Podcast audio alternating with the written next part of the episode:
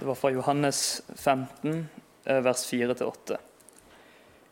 Bli i meg, så blir jeg i dere.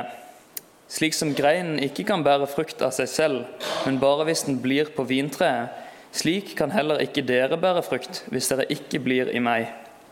Jeg er vintreet, dere er greinene. Den som blir i meg og jeg i ham, bærer mye frukt. For uten meg kan dere ingenting gjøre. Den som ikke blir i meg, blir kastet utenfor som en grein og visner. Og greinene blir samlet sammen og kastet på ilden, og de brenner. Hvis dere blir i meg, og mine ord blir i dere, be da om hva dere vil, og dere skal få det. For ved dette blir min far æret, at dere bærer mye frukt og blir mine disipler. Jeg fikk altså lov til å være sammen med dere i går og ha et seminar om dette med smågrupper, som er noe av hjertet mitt. Og Jeg skal fortsette litt i samme leia, og jeg skal etter hvert vende tilbake til litt av den teksten som eh, ble, ble lest nå. Men vi starter ikke helt der. Jeg må begynne med å fortelle dere om Solveig. Jeg møtte Solveig for eh, omtrent 25 år siden. Da hadde hun allerede passert 80, så jeg regner med at hun er hjemme hos Herren for en god stund tilbake. Men jeg har liksom aldri, aldri glemt uh, Solveig. Eh, da jeg traff henne, hadde hun akkurat vært med på en av de første alfakursene i Norge, i Holmestrand. Og nå var det alfamiddag eh, før det neste kurset, og jeg var så heldig at jeg fikk lov til å være med på den alfamiddagen.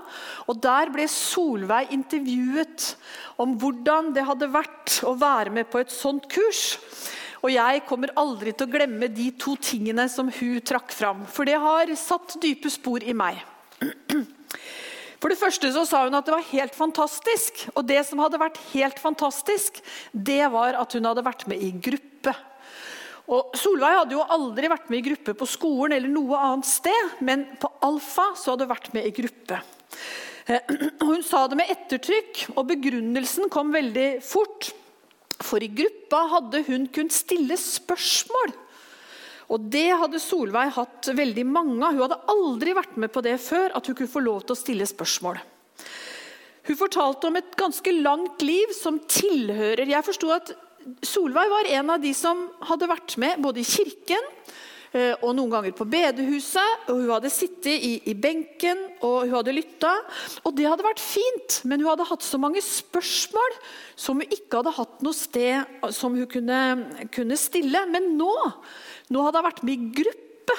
Og hun sa det med ettertrykk. Og der var det lov å stille spørsmål. Og så fortsatte Solveig.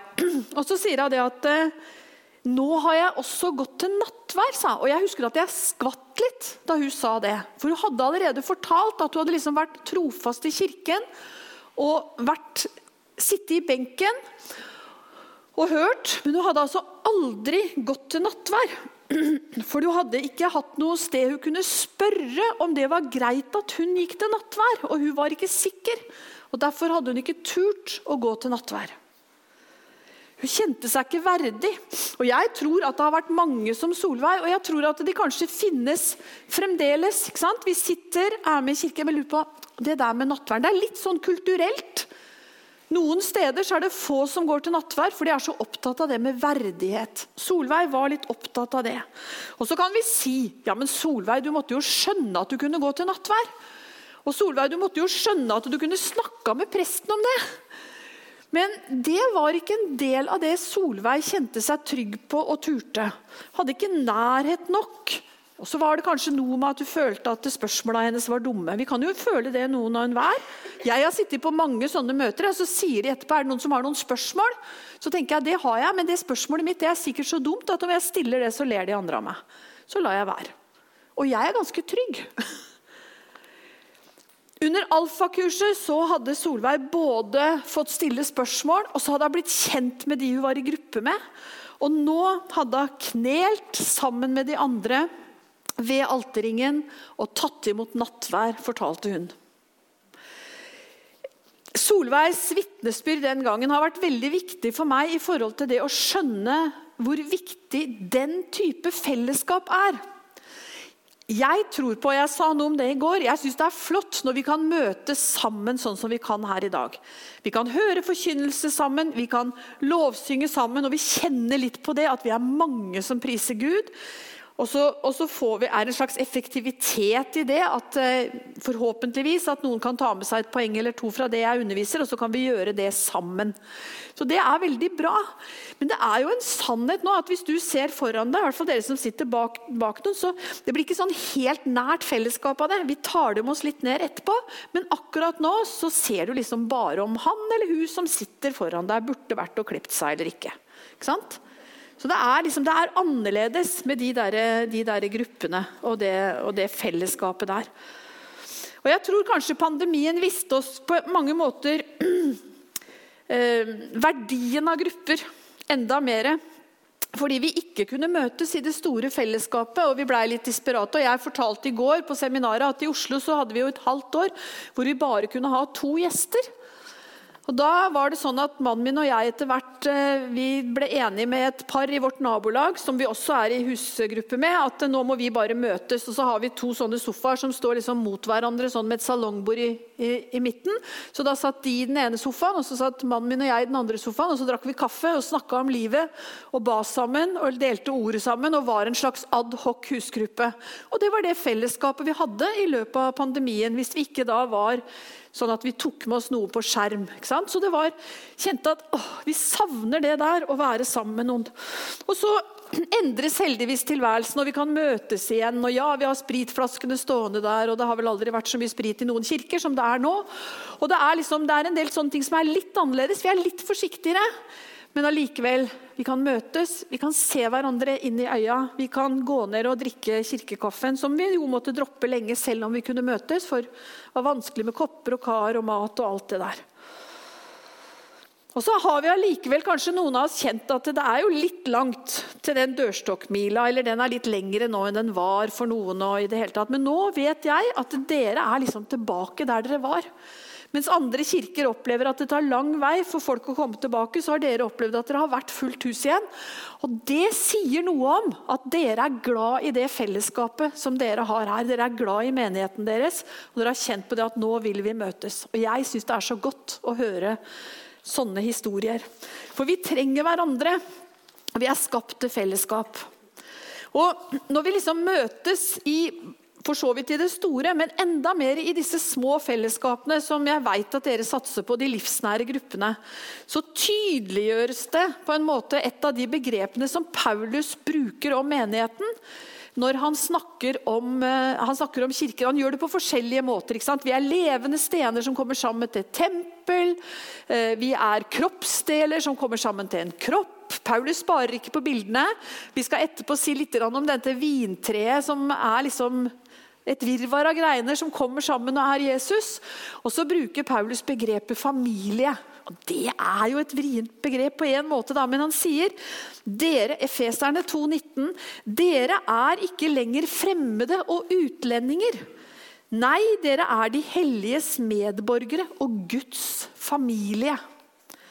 Og Det bildet er jeg veldig glad i, sjøl om det er jo ikke alle tanker rundt familie som nødvendigvis for alle er like behagelige. Vi må si noe om det, for erfaringene våre vil jo prege hvordan vi definerer begrepet familie. Og For noen så er det et ord som inviterer til varme, til gode følelser. Det beskriver, beskriver et raust rom for forskjellighet. En slags trygg havn. Familien. Og For andre så er det betydelig mer komplisert når vi begynner å snakke om det. Det er såre og traumatiske familieerfaringer i bagasjen for ganske mange. Og Ulike familiekulturer vanskeliggjør også tolkningene. tenker jeg. I noen familier så forutsettes det at alle i familien tenker likt om det meste. Det er kjempeviktig. Jeg har en kristen svigerfar. og For mange mange år siden, da man skulle stemme til EU-valget, da var altså min svigerfar bonden. Da ringte han alle sine seks barn lenge. Mange ganger. Og så spurte han hva har dere tenkt å stemme. Det var nesten viktigere om vi var kristne. Hva vi stemte ved det valget. Og Så ringte han til oss, og mannen min holdt den litt på pinebenken lenge, helt til kvelden før. Og Så sier han vi stemmer nei. Åh, hørte han svigerfar i andre enden. Da stemmer vi nei, alle sammen. Og Da var han liksom så fornøyd. Det var viktig for han at vi mente det samme. Jeg vet ikke om jeg mener helt det samme i dag, men i hvert fall da så var det liksom åh, Da pusta han ut i forhold til det, for vi skulle mene det samme. Og det har vært ganske sterkt i den familien, og litt vanskelig. Det er forventningene man har til hverandre. ikke sant? Det styres av det. Vi bør mene det samme fordi vi er i samme familie. Og Sånt kan det bli bråk av. Og Når den tankegangen overføres til menighetsfamilien, så kan rommet vi beveger oss i, bli ganske trangt og lite. Sant? Men sånne overganger skjer noen ganger. Og så vet vi at Bibelen er betydelig rausere. Det persongalleriet som vi presenteres for i Guds ord, hvis vi begynner å liksom se litt nærmere på det, så må jeg bare si en ting, Da finner vi både humor og en del andre ting. Og Det må vi tillate oss. ikke sant? Vi, ikke, vi møter ofte Guds ord med så mye høytid at vi går glipp av noen av de der småtingene innimellom. Bare ta det som en sånn liten utfordring. Men der, det persongalleriet dekker jo det meste.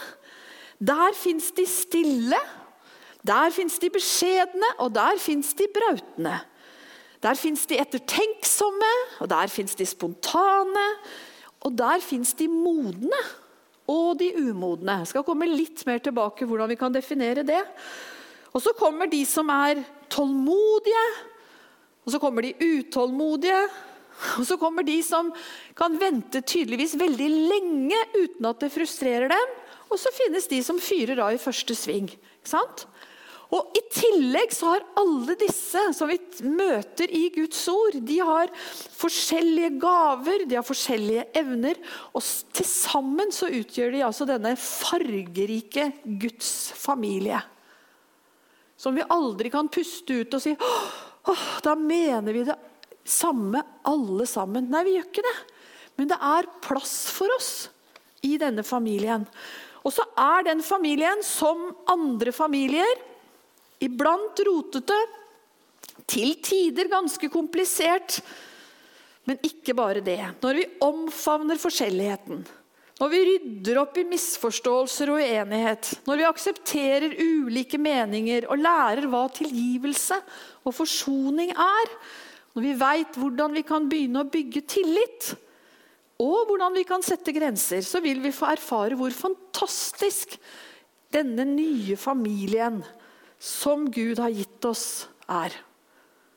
Og Bibelen snakker om den som en ny familie, som liksom er sterkere, kanskje, enn den biologiske familien. Den familien du er født inn i. Du har en familie som topper den familien. Og det er bra. I vår familie så er det iblant litt komplisert, og mannen min pleier innimellom å si sånn Åh, jeg er så glad for at Gud har gitt meg en ny familie. Når han blir litt sliten og litt lei av sånne ting. Og det er sånn vi har det. Og så er det sånn at Når et nytt barn fødes inn i en familie, så veit vi alle sammen at det normale fra nå av det er at dette barnet vokser og utvikler seg. I litt forskjellig tempo, i litt forskjellige retninger. Men det er en prosess som ikke skjer automatisk, selv om den er normal og naturlig. Det trengs noe for at det skal skje. Veksten og utviklingen hos nyfødte barn skjer når omgivelsene bidrar. Sant? Når de får mat og stell og gode oppvekstvilkår. Samtidig som vi må tilpasse utfordringene, og så må vi ikke forvente for mye av dem når de er små. Men litt mer etter hvert. Og så vet vi at det er noen som ikke vokser så mye inni seg som de gjør på utsida, og som vi også må tilpasse til. Det er sånne ting som skjer. I en familie så lever vi med at ressurser og behov er urettferdig fordelt, og at livet går i faser. Jeg nærmer meg den fasen hvor jeg kanskje har mindre å bidra med igjen. Fordi kreftene ikke varer så lenge det er også en fase. Da trenger jeg folk på en annen måte, og noen må finne seg i at det tempoet jeg hadde før, det har jeg ikke lenger. Altså sånn, dette er livet i den familien. Å bli kristen det betegnes sant, som å bli født på ny. Og Det er det som var Nikodemus i tankekors da han kom til Jesus om natta. Og så er vi der også at i, i menigheten så vokser ny, ny, ny, nyfødte. Vekst og utvikling det er en plan for oss i denne familien. Og Jesus snakker faktisk ganske mye om vekst. Han snakker I Johannes 15 så snakker han om i den teksten vi leste, om å bære frukt. Og frukt forutsetter vekst. ikke sant? Paulus og Peter følger opp den beskrivelsen av kristenlivet som noe dynamisk. Som noe som er, ikke noe som stagnerer, men noe som er liksom i bevegelse hele tida. Og så har vi heldigvis akkurat lagt bak oss eh, påsken, hvor vi har blitt minna igjen om hvor fantastisk Guds nåde er. Og det vi sang i stad, om at han elska oss først, og han døde på et kors for oss. Og vi er frelst av bare nåde. Og Det er godt, og det må vi si til hverandre og til oss sjøl igjen og igjen. Det er det eneste som bærer, det er nåden. Sant? Eh, og så er i hvert fall i den sammenhengen hvor jeg kommer fra, i luthersk sammenheng, så har man liksom lært at gjerningene hjelper ikke. Og, sånn, og, det, og det, gjør det jo ikke. Så blir vi liksom litt redd for gjerningene. Men vi må ha med dem òg. Og så trenger vi ikke å være redd for at gjerningene skal frelse oss. Vi blir alltid bare frelst av nåde, men det ligger noen utfordringer i forhold til hva vi gjør. Og Det handler bl.a. om det jeg har snakka om nå, om å bidra inn i livet til andre, sånn at de kan få lov til å, å vokse. Men så står det et ord det er Paulus som skriver i, i Filipperne 2,2. Midt i dette med nåden og midt i dette med frelsen så sier han vi skal arbeide på vår frelse med frykt og beven. Hva i alle dager er det? Skal vi arbeide på vår frelse? Nei. Og så er det et prinsipp som vi har lært. ikke sant? Vi må la Skriften tolke Skriften, sa Luther. Det var lurt. Vi må passe på at vi liksom ser hva, hva betyr det her. Og så tenker jeg, Det er litt voldsomt. Men vi blir frelst av bare nåde, men vi må Vi skal forbli i denne frelsen. Og Det er noe sårbart i det, og der kommer jo fellesskapet inn. Vi må bevare troen levende, for vi kan miste det vi har fått. Og Det er ingen selvfølge at troende overlever og jeg holdt på å si, blir i familien. Det er langt flere enn den bortkomne sønnen som har tatt ut forskudd på arven og takka for seg. Hva skal til for at vi ikke gjør det? Ja, Vi kjenner på kampen fordi vår familie, menighetsfamilien, den, den, er jo litt annerledes enn andre familier. Her surrer jo det bildet seg litt til, men hvis vi tenker på det, det er, er, altså Jeg ble kristen. Jeg var ca. 15-16 år da jeg ble kristen. Eh, og Det var veldig veldig rart, fordi at plutselig så følte jeg meg som den grønne marsboeren i min familie. Mine foreldre trodde ikke. Faren min ble kristen da han var 82 år. Det er et vitnesbyrd jeg gjerne skulle delt, men det er sterkt. Men, men, for meg da så kjente jeg i mange år at jeg er den grønne marsboeren i denne familien. Og Det var tøft å på en måte holde seg der. Vi dro på fjellet i påsken. Langfredag var den dagen hvor min mor sa i dag er det bare kjedelig musikk på radioen. sa. Ikke sant? Men for meg så var det jo en dag som var annerledes. Men jeg var 16, 17, 18 og 19 år, og det var vanskelig å si noe om at det, for meg så er dette en viktig dag. Det er faktisk den viktigste dagen i hele, hele året. Fordi den minner meg på noe som er så viktig, hva som handler om min frelse.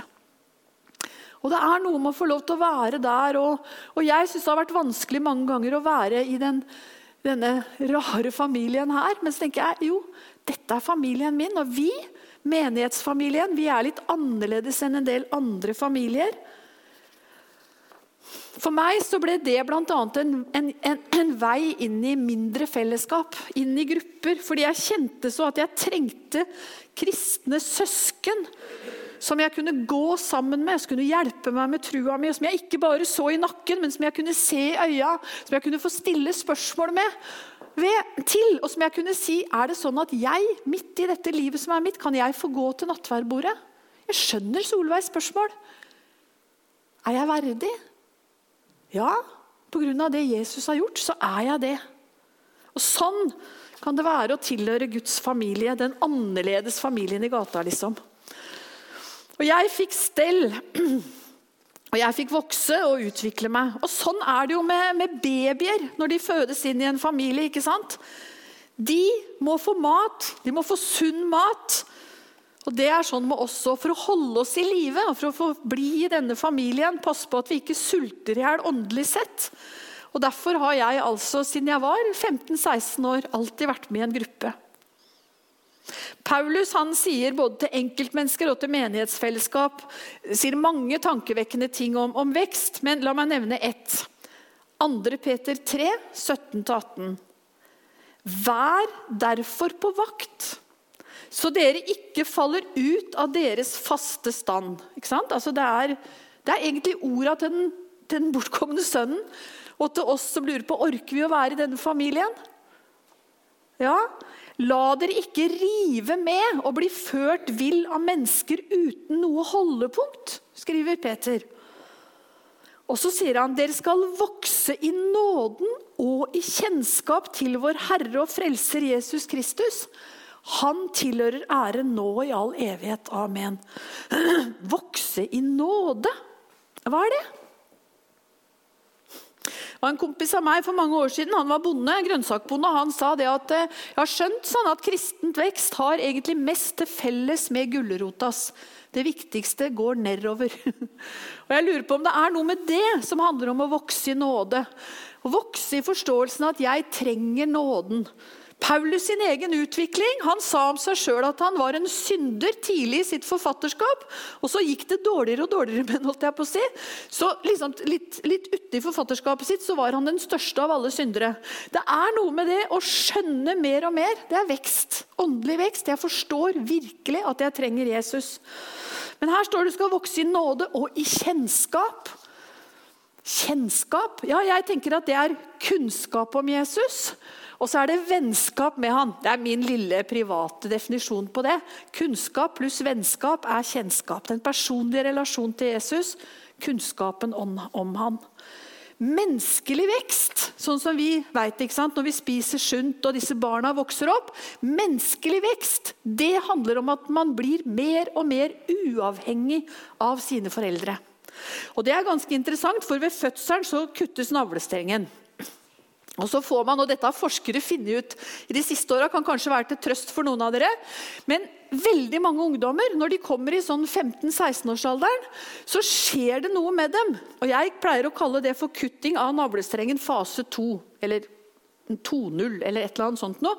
For da vil de liksom plutselig ikke ha noe med foreldra sine å gjøre. Mamma er teit, Pappa er litt bedre, men han er også gruelig teit. Og de prater ikke med foreldra sine om det som er Det er akkurat som det er en klapp som lokker seg. Og det er noe som skjer i hjernen, og som gjelder foreldre. Det gjelder ikke andre voksne. og Man står der som tenåringsforeldre og lurer på hvorfor snakker min sønn med fotballtreneren, men aldri med meg. Hvorfor snakker dattera mi med konfirmantlederen i kirken, men aldri med meg? Trøsten er jo det går over. Men det er faktisk, det handler om deres utvikling for å bli uavhengig av dere som foreldre. Ikke alle går gjennom det, men veldig mange gjør det. Og så kan du våkne en morgen og ha fått igjen verdens søteste 18-åring som deler livet sitt med deg. Da er den fasen over. Så det går bra. Men det er viktig, og jeg tenker det er noe med den utviklingen. Vi skal vokse menneskelig sett. Vi skal stå mer og mer på egne bein. Vi skal bli sunne mennesker. Uavhengige. Det er den menneskelige veksten og utviklingen. Og så, hva med den åndelige? Jo, den handler om å bli mer og mer avhengig. Ikke sant? Gulrotveksten. Vokse i nåde. Jeg trenger Gud. Så sunn vekst for kristne mennesker er å bli mer og mer uavhengig menneskelig sitt, i den forstand at vi står på egne bein, men mer og mer avhengig av Jesus. Vi utvikler oss parallelt. Og for å si det sånn, skal det skje, så trenger vi hverandre. Og så skal vi bære frukt. Bli i meg, så blir jeg i dere, sier Jesus. Liksom grenen ikke kan bære frukt av seg sjøl, leste vi i stad, men bare hvis den er på vintreet. Sånn kan heller ikke dere bære frukt hvis ikke dere blir i meg. Og Her er det jo et lite mysterium, for hva er det med det vintreet? Ja, Noen av dere har vindruer hjemme i solveggen. Og da vet dere det samme som jeg, for jeg har også vindruer i en solvegg. Og det er liksom ikke noe stamme på det treet. Det er, det, er, grener hele veien, på en måte. Og det er ikke noe norsk epletre Jesus snakker om her. For vi tenker liksom Jesus er stammen, og så vokser vi ut fra han. Nei, vi Sammen er dette nære Jesusfellesskapet. Det er noe med det vintreets måte å funke på. Og Så sier han egentlig to ting. Og det er at Hvis vi skal bære frukt, så trenger vi hverandre som grenene på dette vintreet. Og så trenger vi Han. For vi skal være i Han. Gjennom en personlig relasjon til Jesus. Og Vi som var sammen i går, vi så på noen vers i Kolossebrevet om akkurat det. Og jeg syns det er en fin måte å tenke det er sånn vekst skal være, og det er sånn grupper skal være. Paulus sier noe om hva han ønsker for menighetene han skriver til. Og Han har aldri møtt menigheten i Colosset, men han skriver et slags rundskriv som går til dem og som går til noen av de andre. Det er meningen at dette brevet skal leses høyt. Og Så sier han det jeg ønsker for dere og for de andre, det er at de skal få nytt mot i hjertet. De skal bli knyttet sammen i kjærlighet og så sier han noe veldig langt. Han sier få hele rikdommen av overbevisning og innsikt, så de kan fatte Guds mysterium, som er Kristus. I min oversettelse så lyder dette han vil at vi skal få mot av å være i fellesskapet. Han vil at vi skal bli knytta sammen i kjærlighet. Vi skal ikke bruke mye tid på å definere kjærlighet, men den er ikke veldig søt bare. Den krever ærlighet og åpenhet, og at vi ser hverandre, går på besøk i hverandres liv. Og så til slutt bli bedre kjent med Jesus. Dette trenger jeg, og det kan fellesskapet gi oss. Nytt mot, livsmot, ikke dristighet først og fremst. Og dypere røtter i troen på, på Han. Og så tok vi med, I går så tok vi med hvert fire år. Paulus motivasjon. Igjen noe av det samme i forhold til denne bortkomne sønnen, han som skulle bli i familien, sånn at vi ikke melder oss ut av vår åndelige familie. Dette sier jeg for at ingen skal kunne lure dere med overtalelseskunster og få dere bort fra fellesskapet. Livet er så sårbart. Vi lever i ei forvirra tid. På mange måter så er mennesker i dag fattigere på fellesskap men trenger hverandre kanskje mer enn noen gang. Og Det er jo en utfordring til oss som menighet i møte med hverandre, men også i møte med, med verden rundt oss. Og så ser vi jo da at det, det, skjer noe. Det skjer noe med utviklingen i landet vårt. Forrige søndag så skulle mannen min tale på Hamar om kvelden. Vi bor i Oslo. Og Da valgte vi å ta en sånn gammeldags søndagstur. Innimellom så gjør vi det. Da spiser vi is et sted, og så spiser vi middag et annet sted. Og så kjører vi rundt og ser på hvor vakkert dette landet er. Så vi valgte å kjøre via bygdene i Akershus. Nå er vi langt borte på Østlandet. Kanskje ingen av dere som har vært der, men det er veldig pent der òg. Så vi bygdene i Akershus den sørlige delen av Hedmark. Og det, det, var fint. Det var en nydelig dag da òg, og været var godt. Og vi kom til Kongsvinger. Så skulle vi kjøre oppover mot Flisa.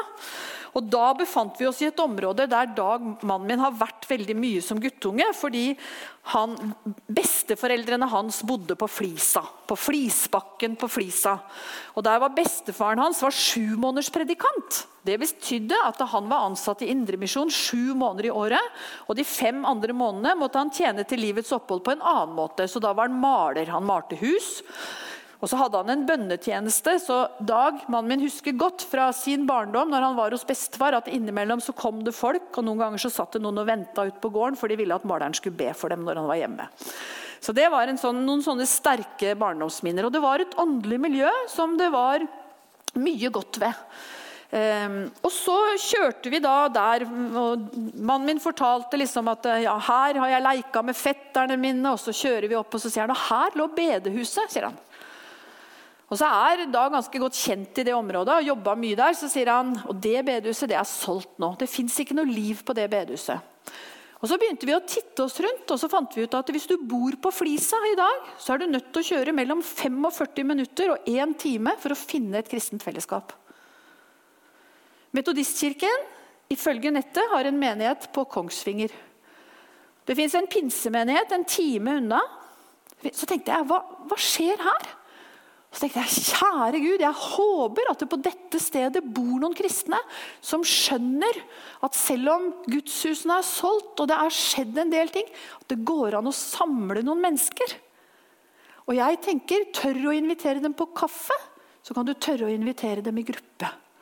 Og så er vi på Hedmark. Det går ikke veldig fort der. Det er litt tregt, og folk er veldig beskjedne. og sånn. Det er litt jærsk på Hedmarken. Men jeg tenker, hva er framtida for sånne plasser? Jo, det må være at ett eller to mennesker ser at jeg kan dele troen og livet og hjelpe noen andre å vokse. Og Jeg har sittet med den der følelsen der, og så kommer jeg på en annen historie. Og Da skal vi gå tilbake til 1700-tallet. Og Nå skal jeg faktisk ta med dere på en liten vandring i noe som noen av dere kjenner veldig godt, men som andre kanskje ikke veit.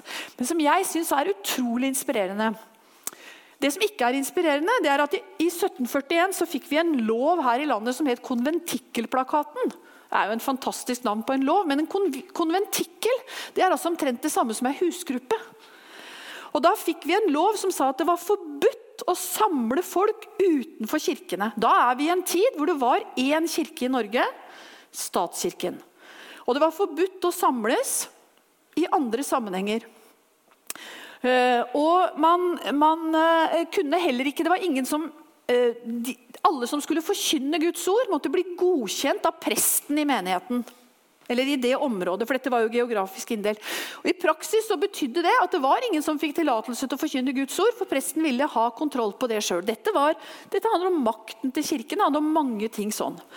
Den loven holdt seg i 100 år. Den ble avvikla i 1842. Da fikk man en lov som da het dissenterloven. Og Det sier jo noe om hva de syntes var sentrum. for Da var det en lov som ga tillatelse til å ha fellesskap utenfor sentrum, og sentrum var fremdeles statskirken. Og Jeg snakker ikke stygt om statskirken, jeg har vært medlem der i mange år, men det var jo sånn det var i Norge. Det var der makta satt. Og Da fikk man denne nye loven. Den ble seinere endra til loven om um, Hva het det? Ymist Anna, i hvert fall. Ja. Nå, nå, nå, fikk jeg et lite jernteppe. Men, men, uansett, vi fikk en ny lov. I løpet av de 100 åra så var bl.a. Hans Nilsen Hauge aktiv. Det var jo, dette var En av grunnene til at han ble arrestert, var jo at han brøyt dissenterloven. Og så brøyt han en annen lov i Norge, nemlig at du ikke kunne dra lange steder og, og drive med handel. og sånn. Du måtte ha handelsbrev for å få til det. Så de, de ordna det til, så han satt jo lenge i fengsel. Men han prekte rundt på gårdene og på bedehusene og bana nok en vei for denne nye loven som da kom. Eh, men sjøl fikk han ikke Han døde i 1824, så han fikk ikke med seg at den loven ble endra. Men han var et offer for da konventikkelplakaten. Og Så kom det da en ny tid hvor det var lov sant, å holde møter selv om du ikke tilhørte statskirken. Og da skjedde det i løpet av veldig kort tid så skjedde det mange, altså Fra 1850 til pinsebevegelsen i 1906 så skjedde det enormt mye av menighetsdannelser og kirkeplanting, kaller vi det i dag. ikke sant? Masse sånn. Jeg har bodd i Sarpsborg i mange år. Og jeg kjenner historien til O.P. Petersen. Og Han er jo at Metodistkirken kan føre sin historie tilbake til. Og Jeg veit ikke hvor, hvor, godt dere kjenner den historien, men på midten av 1800-tallet var det altså en fattig gutt i Fredrikstad. Han dro til sjøs fordi han ville tjene penger. Han ville gi sin forlovede hjemme bedre vilkår enn det han sjøl var vokst opp under. Og Når vi leser og graver litt i lokalhistorie, som jeg har gjort, så står det om O.P. Petersen at han var sønn av en pike og en omreisende slusk. Og Det betydde altså at Moren hans var tjenestejente, og faren han reiste rundt og gjorde løse jobber og hadde barn mange steder. Man har funnet ganske mange halvsøsken til O.P. Petersen rundt omkring. Eh, moren døde tidlig. Eh, denne gutten han var ganske på. Og han, Det står om han at som konfirmant så opplevdes han som søkende. Og Konfirmant måtte du være i den tida. Konfirmant var lovbestemt i Norge fram til 1912. Det var mange ting du ikke fikk lov til hvis ikke du var konfirmert, f.eks. å gifte deg. Igjen ganske mye makt og sånne ting. Men O.P. Petersen han, han søkte, og så reiste han til sjøs. Og På en havn i USA så møtte han metodismen. Han møtte, og han ble omvendt til Gud. Og han fikk jo det hjertet som har betydd mye i deres sammenheng. altså Den, den sosiale samvittigheten, for å, si det, for å si det sånn. Ønsket om å møte den sosiale nøden med evangeliet. Som passa godt i Norge før vi hadde Nav og alle de som skulle ta seg av sånt. Det var liksom en helt annen, en helt annen tid. ikke sant? Um, han sjøl ble jo fascinert av det. Han møtte Jesus på dypet, det er det ikke noe tvil om. Men i tillegg så møtte han noe av denne omsorgen. Og han sjøl, som såkalt uekte barn, født utenfor ekteskap, i fattige kår, så var det noe som, han, eh, som fascinerte han veldig. Så skrev han kjærlighetsbrev hjem til forloveden sin. Og hun, hun delte disse kjærlighetsbrevene med vennene sine. Det er, liksom, det er en sånn litt annen måte å gjøre det på. men han, han, skrev så mye om Jesus, om sin kjærlighet til Jesus, og hun begynte å dele det. og Det ble liksom en, et fellesskap rundt noen av disse brevene. Det tok sikkert innmari lang tid å få dem hjem til Norge. Men da delte de, og så etter hvert så sendte de og så sa de, du må komme hjem og så må du lede oss. Fordi at vi, De hadde liksom blitt et fellesskap basert på disse brevene og det som skjedde. Og Fra Fredrikstad, der er utløpet til Glomma, så går, så går elva oppover. eller Siden går jo nedover da, og ender der. Og opp, i det, miljøet, det, det, området der så var det ganske mange små bedrifter. Blant annet så var det forløperen til det som i dag er Borregaard fabrikker. Og på Borregaard fabrikker så var det tøft, som ved Akerselva i Oslo eller andre steder hvor det var industri. Og konene, damene, stelte seg ofte i porten på lørdags ettermiddag i håp om å få ut litt penger før deres menn gikk ut og drakk opp det som da ikke de hadde fått tak i. Det var ganske destruktivt og veldig tøft og veldig fattig. Og det så ganske stusslig ut på disse arbeiderboligene i forbindelse med, med, med, med fabrikkene. Og Så begynte denne gruppen å dele tro oppover. Og Så begynte det å skje noe i det miljøet. Jeg vet ikke om det var så mye store møter, men det var mye deling. Det var små møter, det var hjemmene. Det, det, plutselig hadde de fått lov til noe av det igjen. Hva skulle de gjøre? Og Så så du at det begynte å bli planta litt blomster. Noen tok vare på husene. Damene slutta å stå i porten og vente på penga fordi mannfolka kom hjem. De hadde fått mer å leve for. For det er jo det det ofte handler om. Hva skrev Holberg? Alle sier at Jeppe drikker, ingen sier hvorfor han gjør det. Det var noe av fortvilelsen som ble letta fordi de fikk Jesus i hjertet. Og så skjedde det en vekkelse, og så en stille vekkelse. Men så var det sånn at eh, disse på denne fabrikken da, de eh, tenkte det skjer jo noe her, dette er bra. Og som en anerkjennelse av det så ga de en tomt til denne gjengen. Og så fikk de lov, Der bygde de den første eh, uavhengige får jeg si, kirken i Norge. altså Den første ikke-statskirken i Norge ble bygd i Sarpsborg. På en tomt gitt av nåværende Borregaard-fabrikker. Som fremdeles har et medlem i kirkestyret. Og En av lederne der skjønte ikke hvorfor de hadde det. Så sa jeg det kan jeg fortelle deg. Det er fordi tomta i sin tid ble gitt av dere. Derfor har dere en representant i det kirkestyret. Og så vet noen av dere at På 90-tallet så brant den gamle kirken, og det ble satt opp et nytt bygg. Men Det er en utrolig sterk historie om hva det betyr når mennesker begynner å dele tro. Og små grupper blir større. Og jeg tenker, basert på opplevelsen på Flisa og det jeg ser i Norge, og når jeg spurte noen der, jeg ser det er mange kirker her, ja, men det er ikke sånn i byen vår heller som det var før. Ikke sant? Og så tenker vi at det er jo fortvila, og så håper vi på en stor vekkelse. Og for å si det sånn, Jeg skal være den første til å klappe og danse hvis det kommer en stor vekkelse. Men jeg tror Jeg tror den kanskje kommer til å handle mer om om du og jeg våger å dele trua vår med noen og, og snakke om hva, hva, Jesus kan gjøre. Det står noe på ei glassrute nedi her. nå husker jeg ikke helt det er, men Hvis du møter Jesus, så får du mye samtidig. På Englevakten kafé så står det noe der, og jeg sto og tenkte på ja, det er, det er mye mer i den pakka. Og den opplevde de langs Glomma. Den har de opplevd. Hvorfor ble det bygd bedehus her i landet? Jo, fordi hjemmene ble for små. Og nå selges det bedehus over hele Norge, og folk tenker det er så fortvila. Jo, jo, men kanskje vi må åpne hjemmene våre igjen, da. Se hverandre inn i øya. Satse på gruppene, sånn som dere gjør. Det er en dyrebar ting dere gjør, og det er en stor mulighet til at gruppene kan være på en måte den brua inn i kirkebenken for noen som trenger å gå sammen med noen. Noen de er i samme gruppe med. Så jeg har lyst til å gi den utfordringen videre.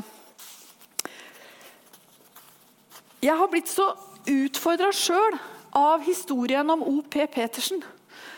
Eh, og det som skjedde der langs, langs Glomma i mitt eget liv. Og fordi jeg har bodd i den byen og vet hvor mye også metodistmenigheten der får lov til å bety. Og hvordan menigheter rundt omkring kan bety noe når de i større grad åpner opp. Metodistkirken i, i Sarpsborg er en av de som de, de har måltider åpner opp dørene én gang i uka for uh, middag, sånn som mange menigheter gjør. Kanskje dere også. Og Presten der sa til meg for noen år tilbake så sa han, det fins en del fattige i vår del av denne byen. Og jeg tror at den middagen som de ungene får når de kommer innom her, på de dagene hvor de vet det er middag, det er kanskje det, den eneste middagen de får den uka. Og de får en smak av himmelen, tenker jeg. Og det kan vi gi som har møtt Jesus. Vi kan gi folk en smak av himmelen. Og Det er en kjempestor utfordring, og jeg tenkte at vi skulle bare be. Og Så satt jeg i dag morges borte på hotellet og så sa jeg, skal vi, Gud, hvordan skal, jeg, hvordan skal jeg be etter at jeg har delt dette som jeg tror er evangeliet om å være i denne familien som vi kan invitere folk inn i. Og Da tror jeg at Gud sa at vi skal, vi skal være stille. Dere skal være stille. Og så skal dere be om å få lov til å tenke på et navn eller se for dere et ansikt som er den personen som du kan begynne å se om du kan bygge en bro til. Kan dere være med på det? Ja. Far, da ber vi deg om det. Kan du minne oss som er her, og som er Vi er forsiktige, Jesus, i forhold til hva vi, hva vi deler. og vi, vi sliter med, Vi skulle så ønske at det bare kom en vekkelse sånn helt uavhengig av oss. Og så må vi kanskje satse på stangfiske i en tid hvor garnfiske ikke er helt greia. Og nå ber jeg at du skal vise oss Jesus, hver enkelt en av oss. Minn oss på et navn. Minn oss på et ansikt som du tenker at, eh, at jeg, eller noen av de som er her, skal invitere i ei gruppe, ta en kaffe med, våge å dele hva du betyr. Jesus, hjelp oss å lage broer. Vi er så klønete. Men vi trenger din visdom og din kreativitet og litt mot. Så be Herre, tal til oss når vi er stille sammen.